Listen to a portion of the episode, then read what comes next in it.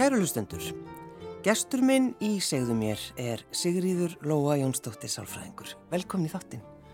Takk fyrir. Hvernig dættir í huga að taka doktorspróf um sjötugt? Já, ég kannski var ekkert svo upptökin af aldrinum þegar ég ákvaði að skella mér í þetta. En uh, ég hérna, þegar ég var umlega 60 þá uh, mingaði ég við mig vinnu að ég var svo kallega 95 ára reglu hjá sem ríkistasmaður og uh, þá fór ég að svona að fá meiri tíma til að sinna ymsum hugðarefnum tengdum fæinu hérna og það var sérstaklega svona rannsóknir sem beindist að engferfu og það leytti svona því að ég hugsaði já því ekki að skella mér í doktorsnám þá fæ ég svona þá set ég þetta svona í fastari skorður og þá fæ ég alveg örgulega góða leiðsögn við þessa rannsóknir sem að mér voru þá hugleiknar að, að fara að reynda í framkvæmt. Já.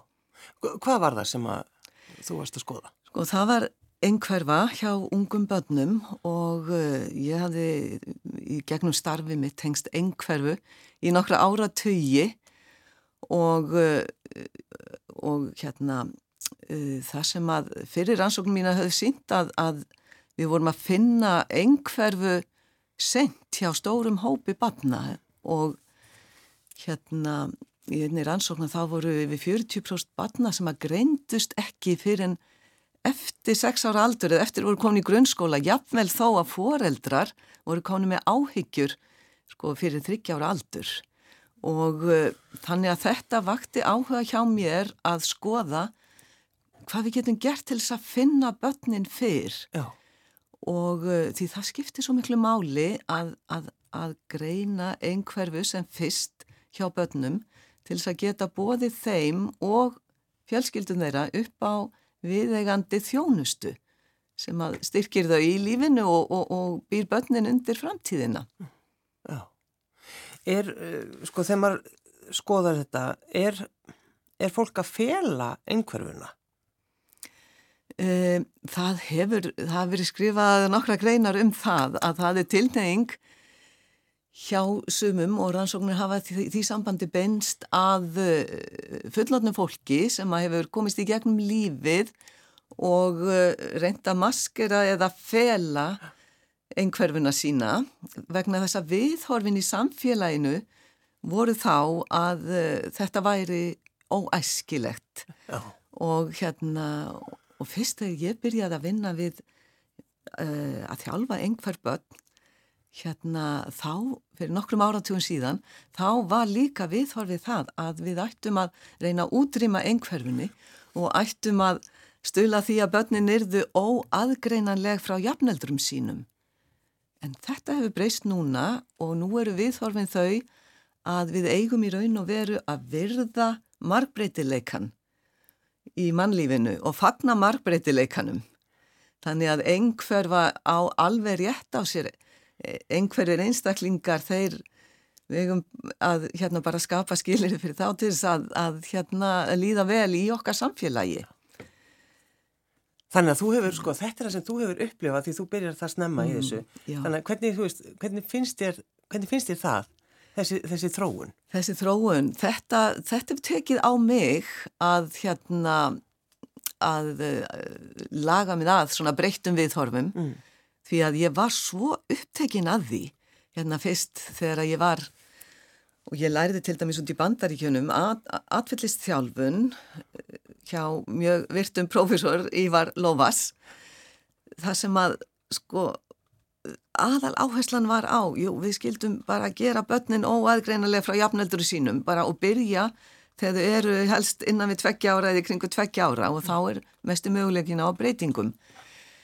En uh, og ég var svo í bara áratögi þá vann ég eftir þessum viðhorfum. En síðan ah, það tók vissulega á þetta breyta viðhorf. Já. en það hjálpaði mér að kynnast fullornu einhverfu fólki sem, og, og bara að læra að meta það sem það getur lagt til samfélagsins. Og, og En vissulega þurfum við að, að, að eins og með ungu börnin, við, þó við séum ekki að útrýma einhverfunni þeirra, að þá leggjum við áherslu á að kenna þeim ymsa færni. Þau þurfa oft meiri þjálfun Erstu að tala um í samskiptum? Já, já, í samskiptum til að geta átt áhrifarík samskipti við annað fólk, mm. komið þörfum sínum óskum á framfæri, sagt frá því sem að þeim liggur á hjarta, þannig að aðrir skilji en á sinn hátt. Mm. Og svo þarf ofta að hafa meira fyrir því að kenna þeim ímsa færni í sjálfsjálf. Svona, þannig að maður hugsaður allt, hva, hverjar eru þarfi bassins, hvað þurfum að kenna þessu batni svo að það geti orðið sem sjálfstæðast og lifað sem hafmyggjur samfyrstu lífi. Já, er það ekki alltaf niðurstaðan að, að reyna það að fólk Já. sé hafmyggjusamt? Vissulega og, og að, að lífsgæði þess hérna mæt, já, séu sem best. En sko, að því þú ert orðin, ég ætla ekki bara að tala um að þú ert orðin sjötug, en þetta er bara svo, mér finnst þetta svo æðislegt að klára doktorsprófið þegar maður er sjötugur, en sko, venjulega kannski fólk að pæla, já, nú ætla ég að fara að hætta að vinna Mm -hmm. og þú rauninu mátt ekki vinna eftir 70 er það náttúrulega? Þannig Ráningasamningurinn eh, er rann út þegar ég var 70 sko. Já, já, hjá ríkinu, ég var ríkisdagsmaður hjá Ráðgjafar og greiningastöð ríkisins, mm. já, já En hvað, ertu, þú ert samt að vinna ennþá ekki? Ég er ennþá að vinna og ég er í tímavinnu og uh, gerði samning um að ég myndi sinna ákveðnum verkefnum. Og uh, já, mér finnst það bara spennandi að geta sint fæinu áfram. Já Og hvað, hvað heldur þú, hvað heldur þú lengi? Veistu það? Ó, ég veit ekki sko, það, ó, það er bara erfitt að segja. Já. Það eru spennandi verkefni og ég til dæmis er að núna að, að halda áfram rannsóknum sem að tengjast doktorsverkefninu. Það var og, þetta, þetta snemgreiningar einhverju? Já. Já, akkurat. Já, nákvæmlega. Og þar voru við, eða rannsóknum mín að beintust að því að finna einhverju fyrir hjá ungum börnum og fólst á meðal annars í því að skima fyrir einhverfu í tvekkja hálsáskoðun í, í ung og smábarnavend. Já.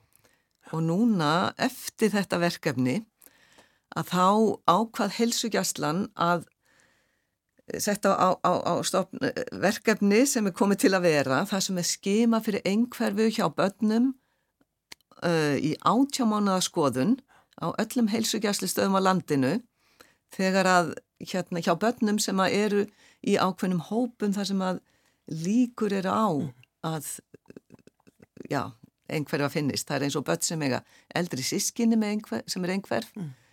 eða börn sem eru með einhver fráviki málþroska eða það sem foreldra hafa áhyggjur af þroska þeirra eða aðrir sem hafa áhyggjur af þroska svo dæmi sér tekin mm.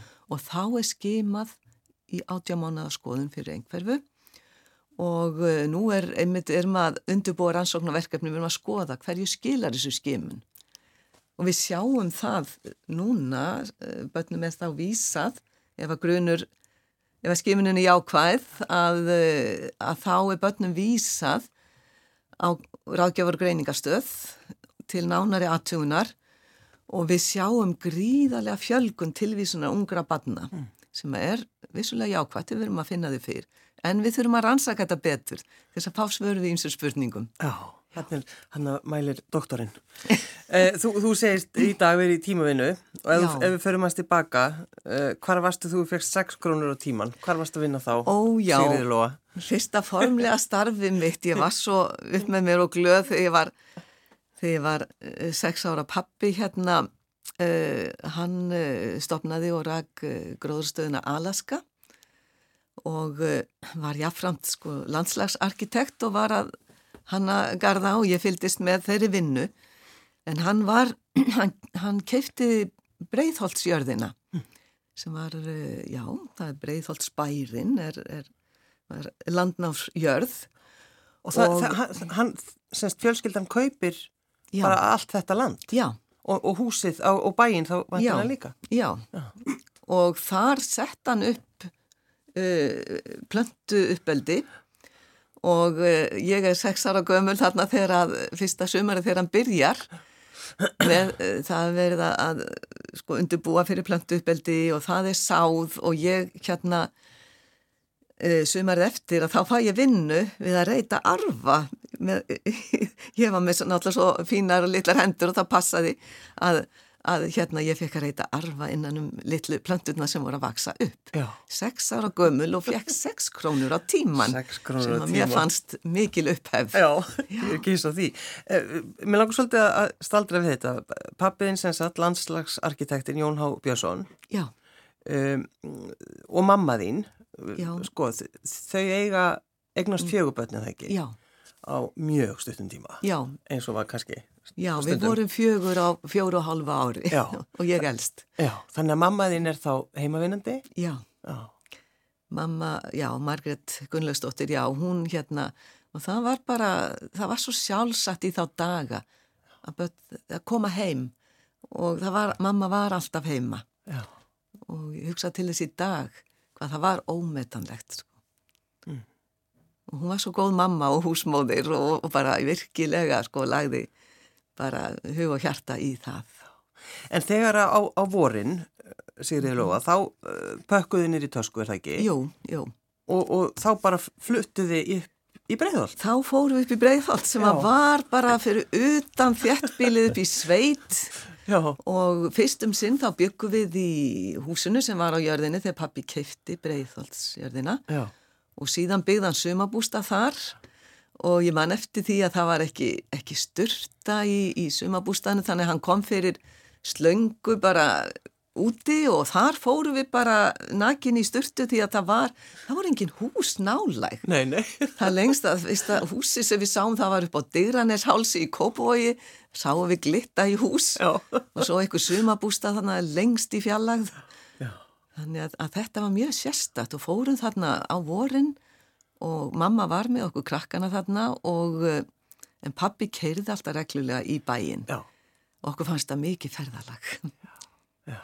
Já. Þegar þú, sko, þegar þú kemur þangað á, á svæðið, Sigri Lóa, hvar mm. nákvæmlega, ef, ef þú segir okkur næst, mm. hvar er breiðhalsjörðin? Já, sko, bærin stóð þarna skamt frá þessum skóaselir í dag mm -hmm. og um, og rétt fyrir ofan og ég var að reynlega hugsa þetta því að ég bara var að hjólaða um þetta svæði fyrir skömmu þar sem að uh, og þetta er fyrir ofan bensinstöðina þarna á ír uh, íþróttasvæði og þarna minnisvarði uh, sko, já og svona upplýsingaskildi í dag um sögu bæjarins mm. og þegar þú stendur þarna mm -hmm. og horfur á trén já Hvað eru þau stór? Ó, þetta er alveg yfirþyrmandi, yfirþyrmandi stór grenitré hérna í dag Já. og þau eru hérna frá þessum tíma að planta þarna um 1960 eða fyrir 1960. Mm. Hvernig finnst þér bara, eins og þú sagðir, þú veist, ég hjólaði þetta um daginn, þú veist, hvaða, hvernig líður þér þú hjólar hann í gegn? Já, það koma upp sko minningar, minningar einmitt frá því að við dveldum þarna og það er það er eitt sem að mér fannst svo sérstætt þegar við dveldum það, þarna voru heita lindir og hérna sem að fáir vita um í dag. Og fyrir utan bústæðin okkar að þá, þá voru einmitt tvær heita lindir, önnur var hlaðinn og mjög snirtileg og við fórum þar gætna í, dýfðum okkur þar gætna niður og börsliðum en hinn var svona, svona svolítið gruggugri að því að hún var ekki hlaðinn og mér sé svo eftir því að þegar að hverfi byggðist upp og var skipulagt að þá var bara valtað yfir þetta og nú er þetta komið undir. Já, bara valtað yfir heitu lindina. Já, mér fannst þetta svo Já, þetta var svo fallega hlaðið og Já. mér hefði fundist þetta, þetta varvita þetta. En, eh, en þarna við upplýsingaskildið og minnisvaran þá eru svona rústir bæjarústir varvit já, og þetta er náttúrulega eins og, já, þú sagði þetta er náttúrulega lands, landnámsjörð þannig að þarna eru, já, eins og þú segi kirkja, var ekki verið að grafa upp? Jú, það fundist einhverja janneska leifar þarna á sín tíma. Já. Keir maður bara í gegnum bregðalt og veit ekki neitt. Já, já svo mikið breyst þegar maður hugsa sko hvað allir þessi ára töyir, hvað hefur gæst sko. En eh, að því að þú náttúrulega vinnur með fólk, Já. Um, En þið finnst líka gott að vera, sko, fá að vera í friði. Já, mikla þarf fyrir Já, það. Mikla þarf fyrir þá. Engur tíma varstu úti í bandaríkunum uh, á, mm. skíða, á skíðum. Mm -hmm. Við bara verðum að fá söguna. Vilti ekki bara segja okkur hana? Jónsdóttir. Þetta, þetta er vinslega saga sem ofta rivjuð upp sko alltaf reglulega. Já, en, enda góð. En ég hérna, ég fór eftir, ég, já ég var á tímbili á námi í, í, í bandaríkjum í Los Angeles og, og eh, hérna sá sem ég var að vinna með þar, Ívar Lófas, hann átti hérna átti hús í Idaho, í Sun Valley í Idaho í bandaríkjunum og þetta er mikil uh, skýðastaður mm. og ég vissi það ekki fyrir síðar að þarna koma kemur fræga fólkið og á sín hús líka og uh, hann uh, við hittumst alltaf tviðsvara ári í bandaríkjunum og þessi rannsóknar hópur sem ég var að vinna með og hann stakk jafn upp á því að við myndum hittast sko þarna í Sun Valley og nýta tíman svona eftir hátegi til að fara á skýði, vinna hérna, fyrir hátegi og svo eftir hátegi á skýði, fara á skýði og ég, við vorum þarna viku í senn alltaf með honum og, og hérna og ég man endur að ég, það, það kemur alltaf þessi þarf upp hjá mér að ég bara þarf einhvern veginn að fá að vera ein með sjálfur mér. Mm. og ég ákvaði einn daginn að vera ekki með hópnum á skýðum, fór bara ein og tók liftunar upp og áfram upp og upp, eins langt upp og ég komst og nöyð bara að skýða þarna og nöyð fjallasínarinnar svo allt í einu er ég trubluð bara, það er eitthvað þrýr kallmenn þarna sem að skýða í áttinu til mín og kalla til mín og, og ég get ekki annað en stoppað og, og beð eftir að ég þá bara koma til mín og, og eh, fara svona að spjalla við mig, kynna sig og ég hérna, mér fannst það bara trublun og þeir eru eitthvað, eitthvað hérna movie directors og einn var leikari, aktor og bara ég bara oh, engan áhuga að fjalla við þá. Og þau kynna sem er nafni og eitt sæðist heita Brad Pitt og, og það hafði enga merkingu fyrir mig. Ég var ekkit, ég bara vildi komast burt. Og hérna og svo byrjaði mig um að taka mynd af sér og ég gerði það og myndaði með alla kanta. Svo spyrjaði mig, en vilti ekki fá myndaði með þessum, vilti ekki fá myndaði með Brad Nei, nei, nei, nei, takkið bara mynda mér einni, saði ég. Stilti mér upp og réttiði myndavilna mína og hérna, og svo bara fegin að losna við þá. Svo að, þessum tíma þá voru myndin nú framkallaðar og þegar ég kom heim og búin að framkalla myndirnar, þá sé ég á einni, að myndinni þið taka mér, þarna einni, að þá er þarna hendi með skýðastaf sem að ratar inn á myndina og ég bara, ah, þurfti hann endilega að komast þarna inn á myndina, þess að ég. En eh, ég uppgötvaði nefnilega bara síðar sko um kvöldi því að ég var að segja hérna félagum mínum frá þessu að þetta var þessi frægi leikari sko. Já, já, já. Og, og, og ég segi alltaf þetta sé myndin af mér og Brad Pitt, þannig ég og svo hann með hendinu sín og skýðastafin inn á myndinni. En voru þeir ekki rosalega hissað og vildur ekki láta taka myndaði með honum? Jú, þeir voru það, sko, og ég fór svo alltaf að hugsa um þetta eftir á, sko, þeir fóru að spurja mig, sko, hvaðan ég kæm eiginlega, sko, Hva, hvaðan, where do you live?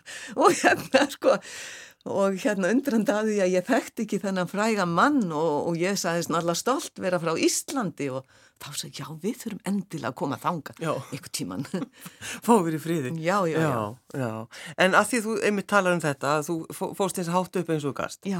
Ert, Við þurfum þá einmitt að tala um þetta þú veist, þú að ganga á fjöll. Já, já, já. Mm. Já, já. Hvernig byrjaði það? Það byrjaði kannski svona, ég fekk kannski bakteríuna þegar ég fór í skátana sem svona krakki og og, og svona, já, þið var að vera unglingur og, og mér fannst svo spennandi, við fórum í ferði, sérstaklega vetraferði, því mesta starfi var við veturinn á þessum tíma mm.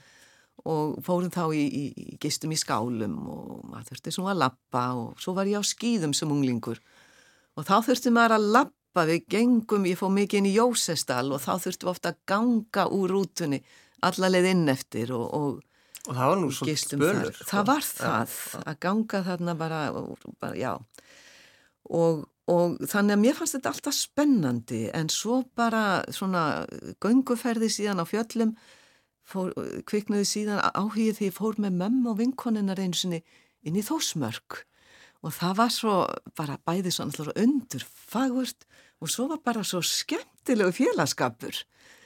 Og hérna vorum þannig í skálanum og uh, þetta var ferðarfélagsferð og ég svona síðan þegar ég kom úr námi, ég fór síðan út uh, í nám til Dammerkur og síðan til Bandaríkjan alltaf en þegar ég kom úr námi Danmörku þá skráði mér ferðafélagið og fór bara reglulegi ferði með þeim og svo bara hérna fór ég nú að hérna fara aldrei á hotstrandir og svo var ég bara, fór ég árlega þangað og, og svo þróaðist þetta út í það að, að ég hérna var beðin maður að taka mig farastjóðn á hotstrandum mm. þekkt orði svæði bísna vel og það var nú uh, góðu vinnu minn sem að nú er látin fyrir allmörgum ári síðan Guðmundur Hallvarsson sem ég gekk mikið með á hotströndum og hann bara kom mér inn í þetta að taka mér farastjórn mm.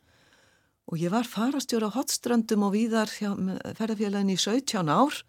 Þannig til ég hætti fyrir nokkrum ári síðan og sagði að ég veist að fara að hafa meira svigurum svona sé ekki að binda mig. En þetta var óskaplega gefandi og dásamlegt. Mér fannst jú gaman að vera með sjálfur mér á fjöllum oft. En síðan fannst mér líka óskaplega gaman að vera með öðru fólki og að kynna fyrir öðru fólki staði sem að sko hafðu hrifið mig og þess vegna fannst mér gaman að vera með hópa. Já, en svo þú, þú gerir það ekki í dag. En uh, maðurðinn, Sigurður Lóa? Já, það Sigur Ingi. Hann... Uh, það nú ekki mikið með mér á fjöll en hann hérna hann, eh, já við fórum nú saman á skýði hérna fyrst sko eftir að við kynntumst byggum þá á Akureyrum tíma og eh, en eh, hann hérna hins vegar, já kemur mér í stittri göngur en hann stiður mér svona alveg helsvegar í því sem ég er að gera mm. og mér finnst það svo dýrmætt og ég reyni að steyðja hann og hvetja hann í því sem hann er að gera og við höfum nú verið gift núna í rúmlega 50 ár og einhvern veginn lítur þetta að ganga upp því að, því að já, þetta hefur gengið upp þannig og, og ég held að þetta sé svo mikilvægt að maður hafi í sínu hjónabandi og ákveð svigrum líka. Og það þarf, það þurfi ekki allir að hafa suma áhámálinn en maður þarf einmitt líka að vera virðingu fyrir því sko. Já, já, en já. vissulega, vissulega þarf maður líka að eiga eitthvað samílegt og kannski það sem við eigum samílegt er er að við erum bæði bahætrúar og frá því við vorum um tvítugt og, og já, kynntust í sitt í hverju lægi og, og það er eitthvað sem að við eigum sammeilegt og saminar okkur. Já, uh, getur þú satt okkur hans frá henni, þessari bahætrú? Já, já, ég hérna uh, kynntist uh, bahætrúni fyrst þegar ég var, uh, hvað, ég var um tvítugt, já, eða, nei, já, rétt fyrir tvítugt. Mm. Ég var þá ný komin til Ísland sem skipti, ég hafði verið skiptinemi í bandaríkjónum í eitt ár og þegar ég var skiptinemi þar að móðurinn á heimilinu, hún, uh, ég var í Denver í Colorado og fjölskytta var nýflutt, þangað og var svona að fóta sig.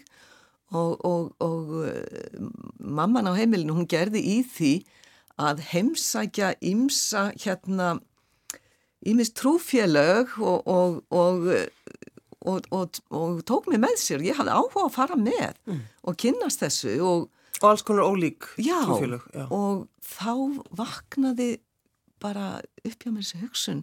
Það er eitthvað það er eitthvað jákvæmt og gott í öllum trúabröðum og uh, ég kynntist líka í skólanis ég var, ég kynntist uh, gýðingum og múslimum og svo náttúrulega flesti kristnir. Og ég hugsa, já það er akkur er, akkur er þessi ágreiningur á milli trúabræða svo ábyrrandi oft? Og mér fannst þetta bara ekki einhvern veginn ganga upp. Og svo gerist það þegar ég kem heim að loknu þessu skipti nema ári að þá er akkurat stór all, já, alþjóðlega ráðstefna bahæja hér á Íslandi sem fleiri hundru mann sóttu. Og ég hérna skellti mig þangað og það bara small allt inn í þessu já þetta er akkurat það sem passa fyrir mig og ég er búin að leita að. Og Bahætrúin hún uh, svona grunntótnin í Bahætrúni er eining mannkins og svo hugsun að það sé bara einn guð en boðberarnir, sendibóðnir eru margir sem koma fram á ólíkum tíma og uh, og svona endun í að boðskapin þó að í kjarnasínum hans sé sá sami en þeir svara þörfum hvers tíma fyrir sig. Og þessi boðbyrjar minna Kristur og, og, og, Muhammed og Buddha og fleiri að, að þetta er sami kjarnin í öllum trúabröðum en félagslegu reglurnar það þarf að endun í að þær í takt við þróun tímans. Og ertu að, sko, eru það að stunda þetta í dag eða? Já, já, við erum já. alveg virk já. í þessu og, og mér finnst það svo fallit að það er þetta saminar fólk frá öðrum trúabröðum, öðrum eh, hérna, kynþáttum og, og við tölum um eining og mannkins mm. Og það sé bara, jörðin sé bara eitt land og mannkinnið sé íbúar þess. Er þetta mikilvægt fyrir þig, Sigriður Lóa? Já, það er þetta. það. Mm. Ég hérna, uh, til dæmis eins og ég legg á eins og bæn og hugleislu, það er eitthvað sem er partur af mínu daglega lífi á hverju meinasta mótni og og kvöldi. Mm. Að, að huglega? Já. Já. Og það, hefur það sko, hefur það hjálpað þér í gegnum lífið? Ég held það, já. já. Ég kannski, sko svo sem hef ekki veldið mikið fyrir mig hvernig, en hérna, en uh, já, trúlega hefur það það. Mm. Fyrir utan það að ég hef svo, ég hef svo mikla trú á sko bara hérna, það sé, bú eitthvað gott í hverju, einast, hverju, hverju mann veru og uh, hef lært eins og í gegnum uh, trúna að líta á að hver einasta manneski hefur eitthvað, eitthvað gott fram að færa og við hefum að virða alla og það, við höfum að tala um einhverfuna hérna áður. Og þetta hefur svona hjálpað mér líka að virða eins og ég var að tala um á það margbreyti leikan sko ekki bara milli milli kynþátt að eins og ég var svo upptekinn af áður heldur líka bara hérna fólks eins og, eins og ég var að tala um í tengslu með einhverfina eða, eða já mm. En hvernig er það sko þú er búin að kaupa þér nýtt tjald Ó já, nýjasta fjársfestingin mín Förum aðeins aftur upp á fjöllin Já uh, Einsmanns gangutjald já. já Þannig að þú ert ekkit að fara að hætta að æða upp á fjöll? Nei, ég er það ekki. Ég hérna, sko, þetta er svo mikið partur af lífinu og já, já, ég hérna lendi því hérna í, í fyrrasumar að ég var tjaldaði upp í síðujökul í eitthvað 700-800 metra hæð og þá tveggja manna tjaldi sem við fyllt mér já, að bísna lengi. Það hérna, ó, það fór að leka. Ekki bara á einum stað sem ég vissi um. Það var, var veikublettur heldur bara mjög víða og þá hugsaði ég, nei, bara nú þar ég endun ég að tjaldi mitt. Mm. Og tvekkja manna tjaldi ég hugsaði, já, ég á eftir mörg, mörg ár á fjöllum, sko, þar sem ég ber allt mitt hafið task. Og ég fór út í það og fekk mér einsmannstjald mm. sem að er mun léttara bara 1,7 kíló og, og hérna. Og ég ætla að halda áfram að bara sem betur fer, sko, er, er ég við bara mjög góða heilsu. Já. Og hérna elska það að bara ganga með allt mitt hafið task og hef gert það með, í góðra vina hópi fyrir mér eina uh, stóra ferð hérna á hverju sömri fyrir utan allar hinnar gönguferðarnar Og þegar þú sko, þú ert komin upp á fjallið, bara þann stað sem þú mm. ætlar að fara upp á, hvað, sko, hvernig, hvernig líður þér? Já, það er, það er bara, óh, það er alltaf gott sko ég hugsa oft, ég, þegar maður er komin upp á fjall maður er lagt að baki á hverju erfiði og, og, og þá er um að gera að slaka þess á og njóta og, og bara og ég, það er oft, ég er oft verið líkt við sko hérna. Og einmitt þegar ég lög doktorsprófi þá vittnaði einmitt hérna eitt leiðbeinandi minn í, í ræðu sem hann held í, í veislunni og eftir um það að, að eins og námið það var eins og að klífa fjall. Já og svo þegar maður komin á toppin sko þá getur maður ju notið afrakstu sinns en, en svo þarf maður líka að koma sér niður Já. og þannig að þetta er bara einn ein áfangi kannski á, á leiðinni mm. að komast upp Já, já Verður einhver tíma sko þreytt á leiðinni, þú veist, og ertu, uh, sko, hvernig te tekur þau á því? Já, já, já, og auðvitað, auðvitað, já, já, auðvitað eru fjöll mismunandi og á tímabili þá var ég að ganga á fjöll sem að voru í, fjöll Erlendis sem að voru í svona ofur hæð. Eins og hvað fjöll? Já, já, já, það til dæmis eins og Kilimanjaro og það var auðvitað erfitt og það er auðvitað ekki hægt að líka því saman við þessi fjöll sem voru að ganga á sem að eru hérna svona, já, ekki í þessari ofurhæð Nei. og síðan fór ég hérna á Aconcagua í, í Söður Ameríku í, í Argentínu sem er hæsta fjall þar já. En þar þurfti ég nú reyndar að snúa við og, og félaga mínu líka og hérna Hvað, út af veðri eða út af bara ástandi? Já, ég þurfti, fyrst var mér snúi við vegna, við vorum fjögur saman og, og ég þurfti að snúa við, það var alltaf leysauðmenni mælt alltaf súrefnismettunni í blóðinu og, og hérna ég var ánir svolítið lág þannig að mér var snúið við, ég var alls ekki, alls ekki sátt við það, alls ekki sátt sko, ég bara, en hérna, en félagarnir heldu, heldu áfram en síðan var bara veður, já veður mm. bara komið vekk fyrir að þeir gætu tekið síðasta áfangan. Þannig að það er alltaf áskoranir og mér finnst þessar áskoranir svo spennandi aðeins að reyna meira á sig heldur en svona í daglega lífinu sko. Já, já.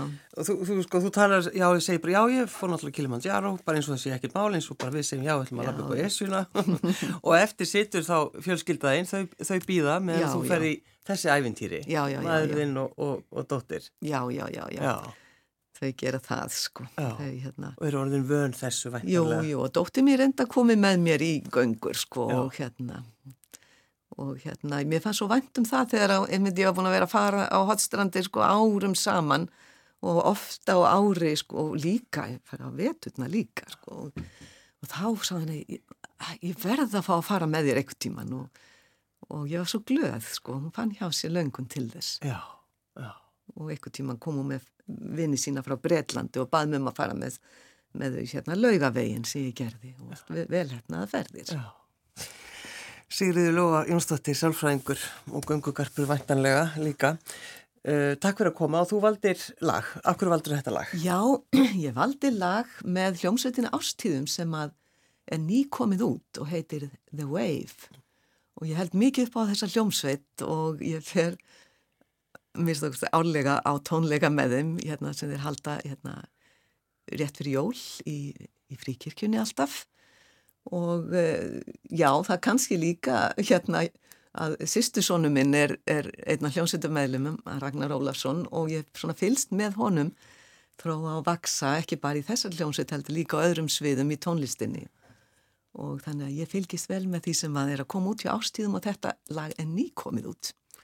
Sigriður Lóa Jónsdóttir, takk fyrir að koma. Takk fyrir mig Dealing with the devils and the powers that may be, but they won't, but they won't keep you from achieving all you said that you would do, that you want, that you want. Don't walk that honor's road. They keep telling you don't ever walk on that road. It's a long road life is too short to be spent on the way.